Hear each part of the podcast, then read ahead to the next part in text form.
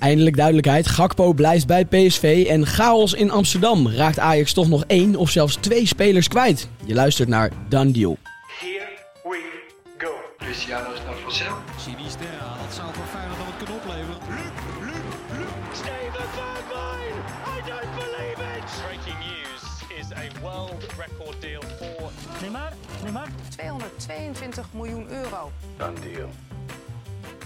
Mannen, welkom op Deadline Day deel 2. Dankjewel. Ja, jij ook welkom Emiel. Dankjewel. We hebben een ontzettend veel bewogen dag gehad gisteren. Niet normaal. Eigenlijk de hele week was het al wel echt Ja. chaos. En gisteren was het ook weer eh, hectisch. Hè? Wij zaten hier ook op de redactie. Ja, lange dag gedraaid. Hele lange dag. wederom een lange dag. Ja. Maar we hebben er zin in. We zitten hier vol goede moed. Fris en fruitig weer. Ja, Ja? Ben jij ook fris Ja, ja, want eh, we horen een klein raspje. Ja, ik ben verkouden. Ik eh, heb niet geslapen. Ik voel me echt alsof ik sinds eh, de EK-winst in 1988 niet meer geslagen heb. Ja, het is niet, eh, je bent niet weer helemaal van, eh, van gol los geweest gisteravond. Het is echt een Nee, nee, nee, verkoudheidje. echt voordat de mensen ja. daar twijfels bij zetten. De geest Deze- is uit de fles. eh. Op een topprofessional heeft gewoon al zijn eh, ja, nee, gedaan. deze lange dagen ijzeren tol. Maar eh, we gaan er gewoon wat moois van maken. En het allergrootste nieuws van deze ochtend is Cody Gakpo. Ja. Hij blijft toch in Eindhoven. We hebben het er maanden over gehad, letterlijk. En nou, één dag voor de deadline weten we het eindelijk zeker. Hij blijft. Ja, deze week kwamen nog heel veel Engelse clubs voorbij. Hè? Eh, waaronder Southampton en Leeds gisteravond tot 12 uur nog het meest concreet waren. Nou ja, ook United is al eerder genoemd met Den Haag natuurlijk. Die zijn uiteindelijk aan de haal gegaan met Anthony. Ja, maar dat, dat, dat speelde al lang geen rol meer natuurlijk. Nee. United, die had echt wat je zegt, Southampton en Leeds. Nou, Southampton die was echt overtuigd dat ze Gakpo binnen zouden kunnen halen. Want PSV moest natuurlijk iets aan die vraagprijs gaan doen. Ze verlangden in eerste instantie 50 miljoen. Maar kwamen toch wel tot de conclusie dat dat te veel... eh, Ja, dat was echt zou zijn. uiteindelijk Ja, helemaal niemand die dat ook maar nee, in de buurt daarvan wilde in de betalen. boom. Nou, ja, nou, uiteindelijk- Southampton die dacht met 40 miljoen eh Gakpo binnen te halen. Eh, dat ging niet door. En toen dacht Leeds, nou wij gaan er overheen. Die boden, eh, als ik het goed heb begrepen, 45 miljoen. En, stond de eh, privéjet niet al klaar? Die Nou, stond zelfs klaar. Juist. Maar op dat moment heeft Gakpo dus zelf gezegd, want PSV had daarmee akkoord gegaan. eh, ik ga het niet doen. Nee, Eh, ja. die, die, ja, hij heeft altijd volgehouden, ook in al zijn interviews heeft hij heel netjes antwoord gegeven. Het complete plaatje moet kloppen. Nou, dat klopte volgens hem niet en dus blijft hij. En dat is wel echt gisteren de laatste paar uurtjes nog besloten. Hè? Want na de wedstrijd van PSV Volendam, Ja. 7-1 winst natuurlijk, speelde hij best een aardige pot, hè? kunnen we wel stellen. Gaf hij nog aan in het interview met ESPN van ja, de komende uurtjes gaan we het bekijken. Dus toen kreeg ik nog wel een beetje het gevoel van, hij kreeg ook die publiekswissel. Ik denk nou, eh, Cody, Dat dacht Ik- ik, ik ook had toen echt hij na een uur naar de kant werd gehaald door Van Nistelrooy. Ja. Ja. dacht ik wel anders, dan laat je hem nog wat op minuut 80 staan of Ja. zo. Ik dacht, hier speelt wat. Maar ik wil echt eh, een compliment maken aan Gakpo. Hoe die zich maandenlang heeft opgesteld. Eh, altijd voorop in de strijd, gewoon alles gegeven voor het team. Dat is het schoolvoorbeeld van hoe het in mijn optiek hoort. We gaan het Ja. zo meteen over de situatie bij Ajax hebben. Eh, nou, dat, dat zit er bij sommige spelers liggen. Nee. Ziet die situatie er heel anders uit. Dus, Ja. eh, Ja, dan merk je daarin toch dat het een jongen van de club is. Dat hij inderdaad ook, in tegenstelling tot een Anthony die natuurlijk ja, er is overgekomen vanuit Brazilië. Hij heeft echt een binding met die club. Dus hij zou die club gewoon nooit benadelen. Ik wil je nog wel aan toevoegen dat aan de ene kant valt het te prijzen. Aan de andere kant moet dit wel op zijn minste maatstaf zijn van hoe je omgaat met de club waar je onder contract staat. ja, maar het is blijkbaar niet Nee, het normaal. Het blijkbaar niet meer. En dat is natuurlijk al erg genoeg. Hè, dat we dit dus als Gakpo normaal doet. Dat we dat dan als zien als iets goeds. Maar inderdaad, in dit geval, als we kijken naar de andere gevallen waar we het zo nog even over gaan hebben. Ja, is dit wel heel netjes. Maar zo kennen we Cody Gakpo. Hè? Op een Ja. top professional. Ja, Maar Eh, ook, eh, en dat is dan natuurlijk een heel klein dingetje. Maar gisteren na de wedstrijd tegen Volendam, hij is natuurlijk aanvoerder, dus je wordt verwacht voor de camera bij ESPN. Eh, maar in, in uitzonderlijke gevallen kan daar ook iemand anders staan. En hij gaat daar gewoon staan. En hij wordt natuurlijk helemaal, helemaal ziek van die vragen steeds. Maar geeft keurig antwoord. Eh, hij geeft naar mijn idee ook het antwoord wat echt de werkelijkheid betreft. Ja. dat vind ik keurig hoe die nee, gehandeld heeft. eens. Nee, absoluut. En voor PSV, eh, financieel opzicht misschien niet de beste keuze, maar sportief opzicht, ja, geweldig dat je Gakpo bouwt. Nou, dit is een hele belangrijke eh, stap in de concurrentiestrijd, denk ik, dit seizoen in de Eredivisie. Dus wat voor ons betreft, aan de ene kant, hè, transfer was ook interessant geweest naar de Premier League, mooie competitie. Maar aan de andere kant, voor onze eigen competitie Ja, in is dit veel Nederland, leuker toch? is dit geweldig natuurlijk. Dus dat wordt een heel mooi jaar. Ik denk alleen maar winnaars. Voor. Gakpo eh, sowieso een sterkhouder blijft hij daar nou, met het oog op het WK. PSV in inderdaad de concurrentiestrijd met Ajax. En voor ons als voetballiefhebbers dat je Gakpo nog eh, een, minimaal een half jaar van dichtbij Ja. ziet. Alleen maar winnaars, behalve dan Victor Orta, de technisch directeur Ja, van. Leeds. Die met acht lege stoeltjes eh, terug naar onverrichte zaken terug naar Leeds kan. Ja. Ja, pijnlijk voor hem. Ja. We gaan door met Edson Alvarez. Want daar kwam toch eventjes heel verrassend nieuws naar buiten gisteravond. Dat Chelsea zich roert en met een bot in Amsterdam aan heeft geklopt. Ja, één ding is duidelijk. Ze willen heel graag een controleur toevoegen aan, de selectie. Dat vind ik sowieso al best wel opvallend. Omdat ze nog aardig wat spelers eh, op de loonlijst hebben staan. Die ook wel vrij aardig kunnen voetballen. Eh, ik zal ze heel even wel opnoemen. Want het zijn echt serieus wel wat op het middenveld. Kanté, Jorginho, eh Kovacic, Loftus-Cheek, Mount, Gallagher. Hè, grote jongen uit de eigen jeugd. Nog een ander groot talent, Gilmer. Gilmore, hoe je het ook uitspreekt. Die schot, hè, die kan ook wel een aardig balletje trappen. Kleine jongen wel. Ehm, en misschien nog wel een grote talent. En deze is wel echt, echt even heel lastig. Dat was die jongen die aangetrokken is van Aston Villa. Heel groot talent, ook Engels Jeugd International. Chu Kwemeka. Nou, dat klinkt best goed. Ik geloof Maar het. goed. Dank. Nee, maar dat zijn Ja, acht. nee, maar het zijn er wel echt acht. Hè? En die Ja. Chukwuemeka is ook voor gewoon 18 miljoen aangetrokken. Gallagher is echt iemand die in Engels elftal speelt. Eh, ook een jong talent. Loftus-Cheek kennen we ook allemaal natuurlijk. Eh Jorginho, Kovacic en eh, Mount en Kanté. Ja, sorry. Ah, het, eh, het zijn wel aardig wat namen, toch? Chelsea heeft de transferuitgaven natuurlijk al boven de 300 miljoen getikt. Ja. Ehm, en in mijn optiek noem je denk ik vier namen die in aanmerking komen voor de basis. Dus het Chelsea, wat deze transferzomer al zo bezig is, sta ik er niet van te kijken dat ze op de slotdag nog eh, dit uit de hoge hoed Nee, toveren. matige seizoenstart. Ja, ja, de- eh, eh, ja, United hebben we gezien met, met wanhoopspogingen, maar dat is de realiteit in Engeland. Nieuwe eigenaar bij Chelsea, hè? Todd Ja. Boehly. Die heeft flink de portemonnee getrokken. Dat is ook de reden waarom ze zo eh, nou ja, ongelooflijk hard hebben geïnvesteerd. Mede daarom. Maar het gekke is dat ze nu... Ja, ik vind eigenlijk hè, dat je met deze namen al wel een heel goed middenveld hebt. En best wel veel smaken hebt. Maar oké, die controleur moet komen. Maar inderdaad, bij PSV, nu bij Sangaré. Nou, hij is natuurlijk wel gemaakt met zijn fysiek voor de Premier League.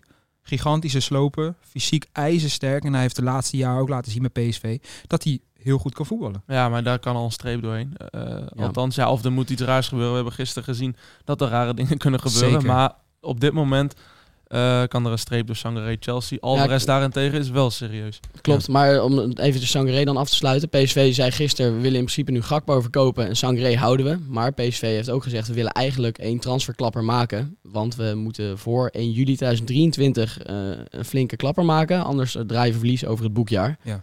Natuurlijk kan dat in de winter nog, of het begin Juist. van volgende transferzomer. Het hoeft niet nu. Nee. Maar PSV stond er wel voor open om een van de twee sterkhouders te laten gaan. Dus Ja, maar het valt niet uit te sluiten dat als je nu toch nog heel veel geld geboden krijgt op Sangaré. Ja, maar dan Nee. lijkt het een beetje omgekeerde psychologie. Want Sangaré heeft juist zelf aangegeven dat Ja. hij graag wil blijven. Dus Daarom. dan ga je verkopen om het verkopen, terwijl je een van je beste spelers Nee, kan het, houden. eh, Het meest, meest logisch is dat eh, na het WK Cody Gakpo alsnog zijn transfer pakt. Ja. dat hij nu gewoon naar het WK toe, nu gaat vlammen bij PSV en zijn transfer Ja. pakt. Nou ja, wat dus wel zo is, wil je al naar de andere controleur uit de Eredivisie? Nee, weet je, ik moet er nog even naar Alvarez. Ja, daarom. Want die gaat dus eh, niet trainen vandaag bij Ajax. Ja. Wel op de toekomst aanwezig, maar de Telegraaf meldt dat hij eh, niet mee gaat doen.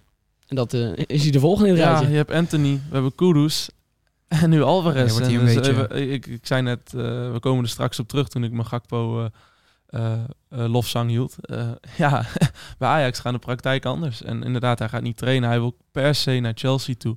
Omdat hij daar volgens de Telegraaf in vijf seizoenen 50 miljoen euro kan verdienen. Ja. Dus eh, ja, salarisch-technisch eh, Wordt moet je aardig. begrijpen natuurlijk. ja, nee, dat snappen we allemaal. Ik denk dat we het ook al een paar keer hebben besproken, onder andere bij Anthony. Eh, in ieder geval, het onbegrijpelijk dat dit nu eigenlijk de, de... Of ja, het is wel begrijpelijk, maar het is gewoon heel lelijk dat dit nu de situatie is in het voetbal. Dus voetballers hebben natuurlijk heel veel macht, maar het is gewoon bizar dat je tegen je eigen nou ja, baas gewoon zegt van luister, Ja. allemaal leuk en aardig. We hebben inderdaad een contract afgesproken. Ik verdien een godsvermogen, maar weet je wat?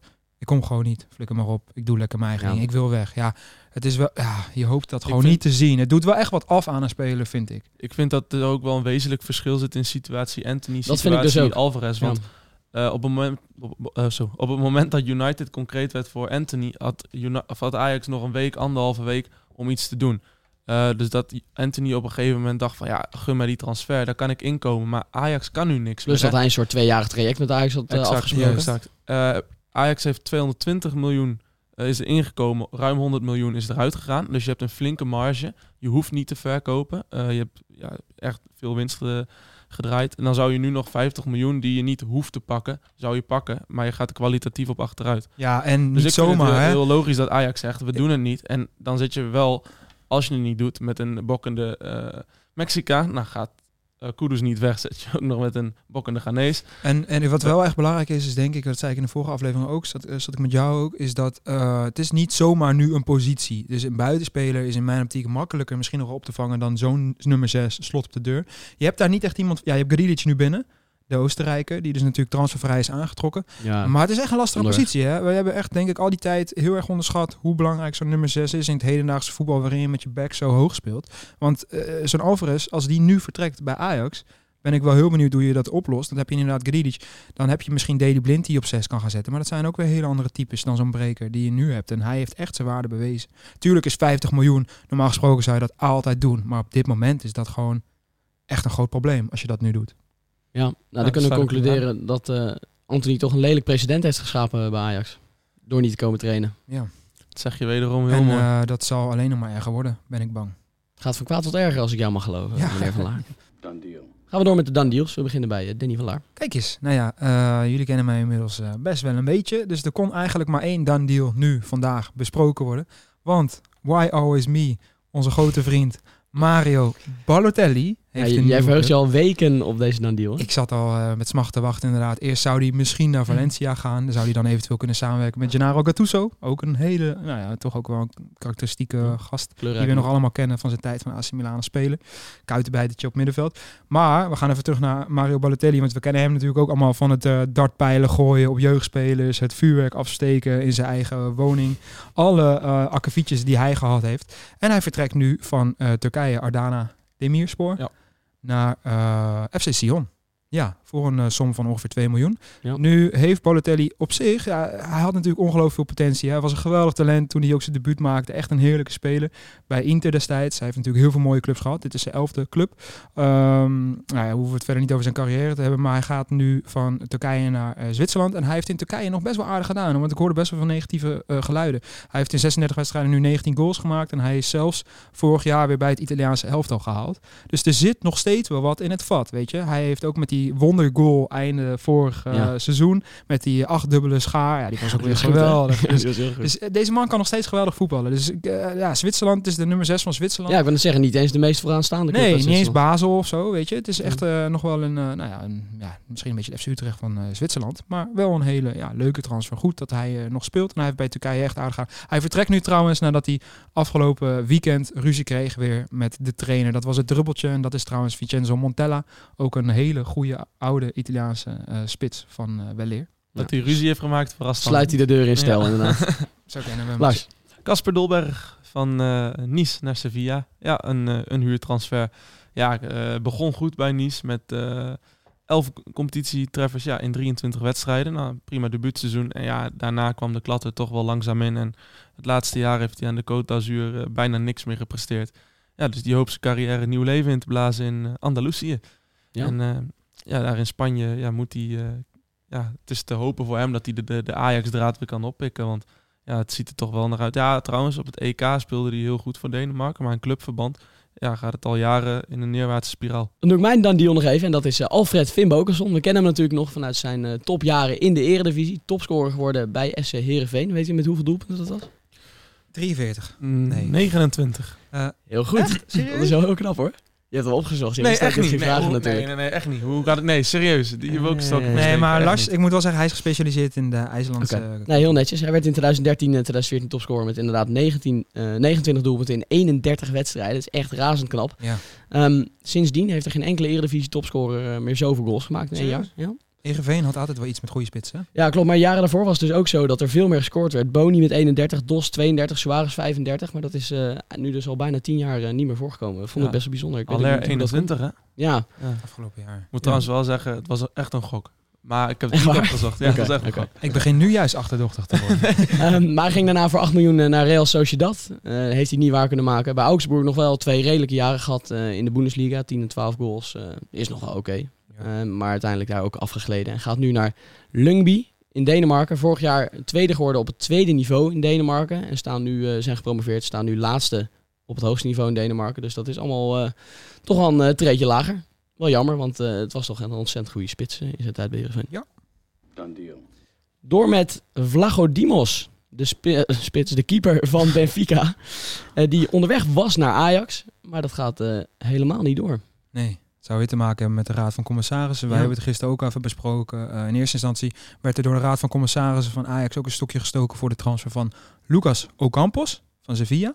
Dat is uiteindelijk onder andere voorwaarden nog rondgekomen, hè, net voor het verstrijken van de transfer deadline. Dus Lucas Ocampos is binnen, de vervanger van Anthony kunnen we wel stellen. Eh, maar Vlago Dimos, ja, van de ja, baan. dat, dat, dat je bij Ajax langs zoveel schijven moet voordat je een keer eh, een een akkoord kan bereiken. Ja, dat werkt op dagen als gisteren en vandaag natuurlijk niet Nee. mee. Nee. Dan Eh, duurt het allemaal veel te lang. Ajax had om half zeven s'avonds een akkoord met Vlagodimos persoonlijk. En met Fika en Ajax naderden elkaar tot op een paar ton. Eh, stond in de reconstructie van de Telegraaf. Wel eh, leuk om te lezen, want die eh, hadden wel mooie insights. Ja. Ehm, dus dat leek helemaal goed te gaan komen. En toen eh, zei de RVC, echt laat op de avond pas, van, nou dat gaan we helemaal niet doen. Hij eh, was te duur, te oud. En bovendien hebben ze hem helemaal niet nodig, was eh, de conclusie. Nee, nou ja, daar zit op zich wat in. Maar het is Ja, dat zei dat jij je- twee dagen geleden ook al. Ja, want eh, ten eerste om te beginnen met het keeperschilder wat je al hebt. Hè, met Pasveer en Stekelenburg zijn wel wat krakkemikkig en op leeftijd. Daar is al heel veel over gezegd. Daar heb je Jay Gort achter zitten. Daar kennen we het verhaal nu inmiddels ook een beetje van. Maar eh, daar heb ik ook al iets over Vlagodimos gezegd toen dit nieuws net naar buiten kwam. Over dat het qua type stijl en qua manier van keeper best wel een gekke keuze is. Als je kijkt naar wat bij Ajax gezocht wordt in een keeper. Zoek je heel vaak iemand die voetballend goed is en die het spel kan verleggen. Eigenlijk een spelverdeler op de goal, zeg maar. Die de bal makkelijk weglegt, die onder druk goed is. En in de tweeluik met Benfica Ajax, in de Champions League was dat destijds, liet hij juist zien waar zijn beperkingen lagen. En dat was in het hele voetballende aspect. En daar is hij waarschijnlijk ook op gescout, zeg maar, in die wedstrijd. En dat vond ik dus heel gek, dat juist een, een keeper die voetballend minder is, op de lijn en in de box, eh, qua eh, in de lucht super sterk is en op de lijn super sterk is qua reflex, eh, voetballend minder is en dat je die dan juist naar Ajax wil halen. Dus dat vond ik destijds sowieso al best wel gek. Daar zet ik mijn vraagtekens bij. En ik denk dat je met Pasveer en Stekelenburg in ieder geval dit jaar makkelijk uitzinkt. Ja, en Jay- tot de winter in ieder Ik, geval. vind- ik vind het echt een, een, een steek eh, in de rug van Jay Gorter dat er twee dagen voor het verstrijken van de markt ineens nog drie keepers worden genoemd bij Ajax. Want Ja. Gorter, eh, er gingen verhalen dat hij weg zou willen. Eh, hij wilde speeltijd opdoen. Nou, na een goed gesprek met Schreuder, eh, die waarschijnlijk op hem zal in hebben gepraat, want anders zou hij alsnog weggaan, heeft hij besloten, oké, ik blijf bij Ajax. Dat spreekt dan weer vertrouwen uit. Je zit met twee routiniers opgescheept. Hij heeft inderdaad één wedstrijd, een belangrijke wedstrijd, weliswaar slecht gekiept. Maar geef die jongen het vertrouwen. Zet- je hebt hem gehaald, zet hem op goal. En dan ga je twee dagen voor het verstrijken van de markt in één keer een poging doen om, om een keeper Ja. binnen te halen. En dat gaat dan waarschijnlijk ten koste van jou, want voorlopig is Pasveer gewoon de onbetwiste nummer één. Ik vind het echt een steek in de rug van eh Ja. Kan me helemaal in woorden vinden. Door met Mitchell Dijks, want zijn contract bij Bologna is ontbonden. En hij is onderweg naar Nederland. Ja. Hij heeft bij ESPN verteld Ja, dat, dat hij heeft hij zelf bevestigd. Maar Ja. als het goed is, eh, mag jij een nieuwtje brengen. Jazeker, want eh, hier op de redactie weten wij dat eh, hij waarschijnlijk gaat tekenen bij Vitesse. Die geluiden hebben wij ontvangen. Die kunnen hem goed gebruiken. Dat is één ding wat zeker is. Ze hebben natuurlijk Ferro van eh, Benfica binnengehaald. En eh, die bewijst tot nu toe vooral dat het niet echt een meerwaarde Ja, is. dat is een rechtercentrale. hè? Ja, Dijks klopt. is een linkspoot. Ja, klopt. Dijks gaat waarschijnlijk op de linksback spelen, maar ik doe ook meer op de volledige achterhoede. Dat daar wel wat bij kan. Nou ja, je hebt Witek als linksback. Eh, dus dat zou voor Dijks wellicht betekenen dat hij centraal gaat spelen. Ja, ja we spelen 5-3-2 in Arnhem. Ja. Die Ar- Arcus, nee, Carlens Arcus op rechts, nou, die voldoet nog niet aan de Vitesse-normen. Ferro niet. Eh, ja, Meulensteen ook nog Mm. wisselvallig. Ja, Dus ja, eh, we kunnen in elk geval concluderen dat hij daar welkom zou zijn. zeker. En Ja. hij is transfervrij, contract ontbonden bij Bologna, dus om die reden mag hij nog naar Vitesse. Belangrijk dat hij fit blijft dit seizoen. Hè? Hij heeft de laatste jaren wel wat last gehad van blessuretjes. Ja. En, eh, maar hij kan bij Vitesse echt een eh Ja. goede, goede versterking. Ja, best wel een leuke tijd gehad. en Vooral leuk begonnen ook in, eh, in Italië, toch? Daarna inderdaad. Il Tractor. Ja, maar- toch, zie, zie, zie. En dan doen we nog even Serginho Dest. Want die eh, schijnt onderweg te zijn naar AC Milan. Op eh, huurbasis. Ja, niet United, niet Villarreal. AC Milan. Ja. Huurbasis met een eh, optie tot koop voor 20 miljoen. Ook geen slechte club. Nee, helemaal Toch? niet. Als je dan toch Nee. eh, naar een club moet. Nou ja, op zich Milaan ook een lekker Nou, stadje. en ik, dus- ik vind hem ook eh, ik vind hem logisch. Hij is goed te plaatsen. Eh, ze hebben op rechtsback Calabria ja. en eh, Florenzi. Ja. Nou, dat is nog een beetje de ene wedstrijd. Ja, de ook ene spelen. wedstrijd de een, de andere wedstrijd de ander. Op links hebben ze Theo Hernandez, aanvallend ingestelde back. Als je een aanvallend ingestelde back op rechts haalt en je houdt het centrum gewoon Italiaans dicht, hoe Ja. ze dat daar kunnen. Mm. Eh, ja, dan, dan zie ik wel een mooie 4-3-3 ontstaan met eh, hoge, eh hoge backs. Ja. Ja, en eh, Milan is op, helemaal op de weg terug, hè, vorig jaar kampioen. Met lekker de Champions League in. Ja, ja, dat is fantastisch. Een fantastische club. Oude tijden herleven. Oude tijden, eh, tijden herleven. Ik denk ook wel goed voor hem om weg te gaan. Hè. Hij zat op de tribune en eh, er werden vooral spelers opgesteld op rechtsback die niet eens rechtsback zijn. ja, maar is dat ook niet... wa- waarom gebeurt dat? Ja, Oh. Voelt, is die dan gewoon niet goed genoeg misschien? nou ja, Kijk, hij zou- kan er nu zijn carrière een nieuw leven inblazen, maar Ja, misschien was hij gewoon niet goed genoeg. Nee, dat kan. Nee, maar daar, daar wou ik ook niet eens. Dat, dat zou inderdaad kunnen zijn. Maar we weten allemaal waar zijn kwaliteiten wel liggen. Maar het gaat me er meer om dat dan dus zo'n Sergio Roberto, Ronald Araujo en die nieuwe jongen Julien, Jules Koundé. Julien Koen. Ja, Julien, een vriend van mij het zo. Maar dat, eh, Jules. Jules, ja, maar eh, Jules Koundé, die werden allemaal als rechtsback neergezet. Terwijl het eigenlijk van nature allemaal niet de rechtsback zijn. Kan zijn dat hij inderdaad niet goed genoeg is. Maar dat is, zoals jij zou zeggen, een teken aan de wand. Om in ieder geval te gaan vertrekken. Eh, dus ik denk dat het gewoon een hele goede keuze is. Als je zelfs al niet meer bij de selectie zit, blij te gaan en lekker naar Milaan. Want daar kan je gewoon eh, nou ja, je carrière een nieuw leven in blazen. Wel interessant is dat Barcelona dus wel op zoek is ook weer naar een vervanger. Eh, dus om een tribuneplekje te vervangen, dat kunnen ze alleen in Barcelona. En daar worden nog wel wat interessante namen genoemd. Zoals Hector Bellerin, een persoonlijk favoriet. Die natuurlijk daar ook uit de jeugd komt. Naar Arsenal is gegaan. Een beetje afgegleden toch inmiddels? Ja, hij heeft afgelopen jaar bij zijn eh, favoriete club, Real Betis, eh, wel weer eh, een redelijk jaar gedraaid. Eh, daar wou hij ook heel graag blijven. Dat is er uiteindelijk niet van gekomen. Hij zit nu natuurlijk bij Arsenal een beetje tussen wal en schip. Nou ja, zou best wel... eh, was natuurlijk bij Arsenal echt een eh, smaakmaker. Hij heeft hele goede Ja. jaren gehad. Maar is inderdaad wel iets van zijn vorm heeft hij eh, ingeleverd. Goed Ook door, ook door een eh, zware blessure. Dus dat is altijd wel eh, eh, zuur voor, voor, voor zo'n jongen. Verder werd eh, Thomas Meunier nog genoemd. En eh, Julian, wel Julian, Araujo van LA Galaxy. En dat is wel natuurlijk wel een wat eh, onbekendere naam. Nou, Barcelona die verkoopt waarschijnlijk wel wat rechten van, eh van Barca Studios en zo. En dan kunnen ze gewoon weer nieuwe spelers We aantrekken. sluiten gewoon weer een nieuw dealtje voor extra inkomsten. Mannen, hartelijk dank. Eerste van de twee van vandaag zit erop. Ja, Tot straks. tot, ja, lekker, straks. Lekker kort outro. Hoi hoi, tot straks. Nee, Nee, heel maar, benieuwd vooral naar eh, wat er met Alvarez gaat gebeuren. Wie weet dat we daar over een uurtje vijf, zes meer over weten. Ja. Dat wordt spannend. Wel goed om nog even te zeggen dat gisteren is dus de Nederlandse transfer deadline day eh, al eh, verstreken, zeg maar. Dus eh, Nederlandse clubs kunnen geen vervangers meer terughalen. Dus eh, alle andere Europese competities kunnen vandaag nog spelers kopen, maar clubs in Nederland kunnen geen spelers meer kopen. Dus dat Nee. is echt heel onhandig. We gaan het in de gaten houden. Tot vanmiddag, jongens. Here we go. Cristiano is naar Vassel. Sinisterra, dat zou voor Feyenoord dan wat kunnen opleveren. Steven Bergwijn. A world record deal for 222 miljoen euro. Dan deal.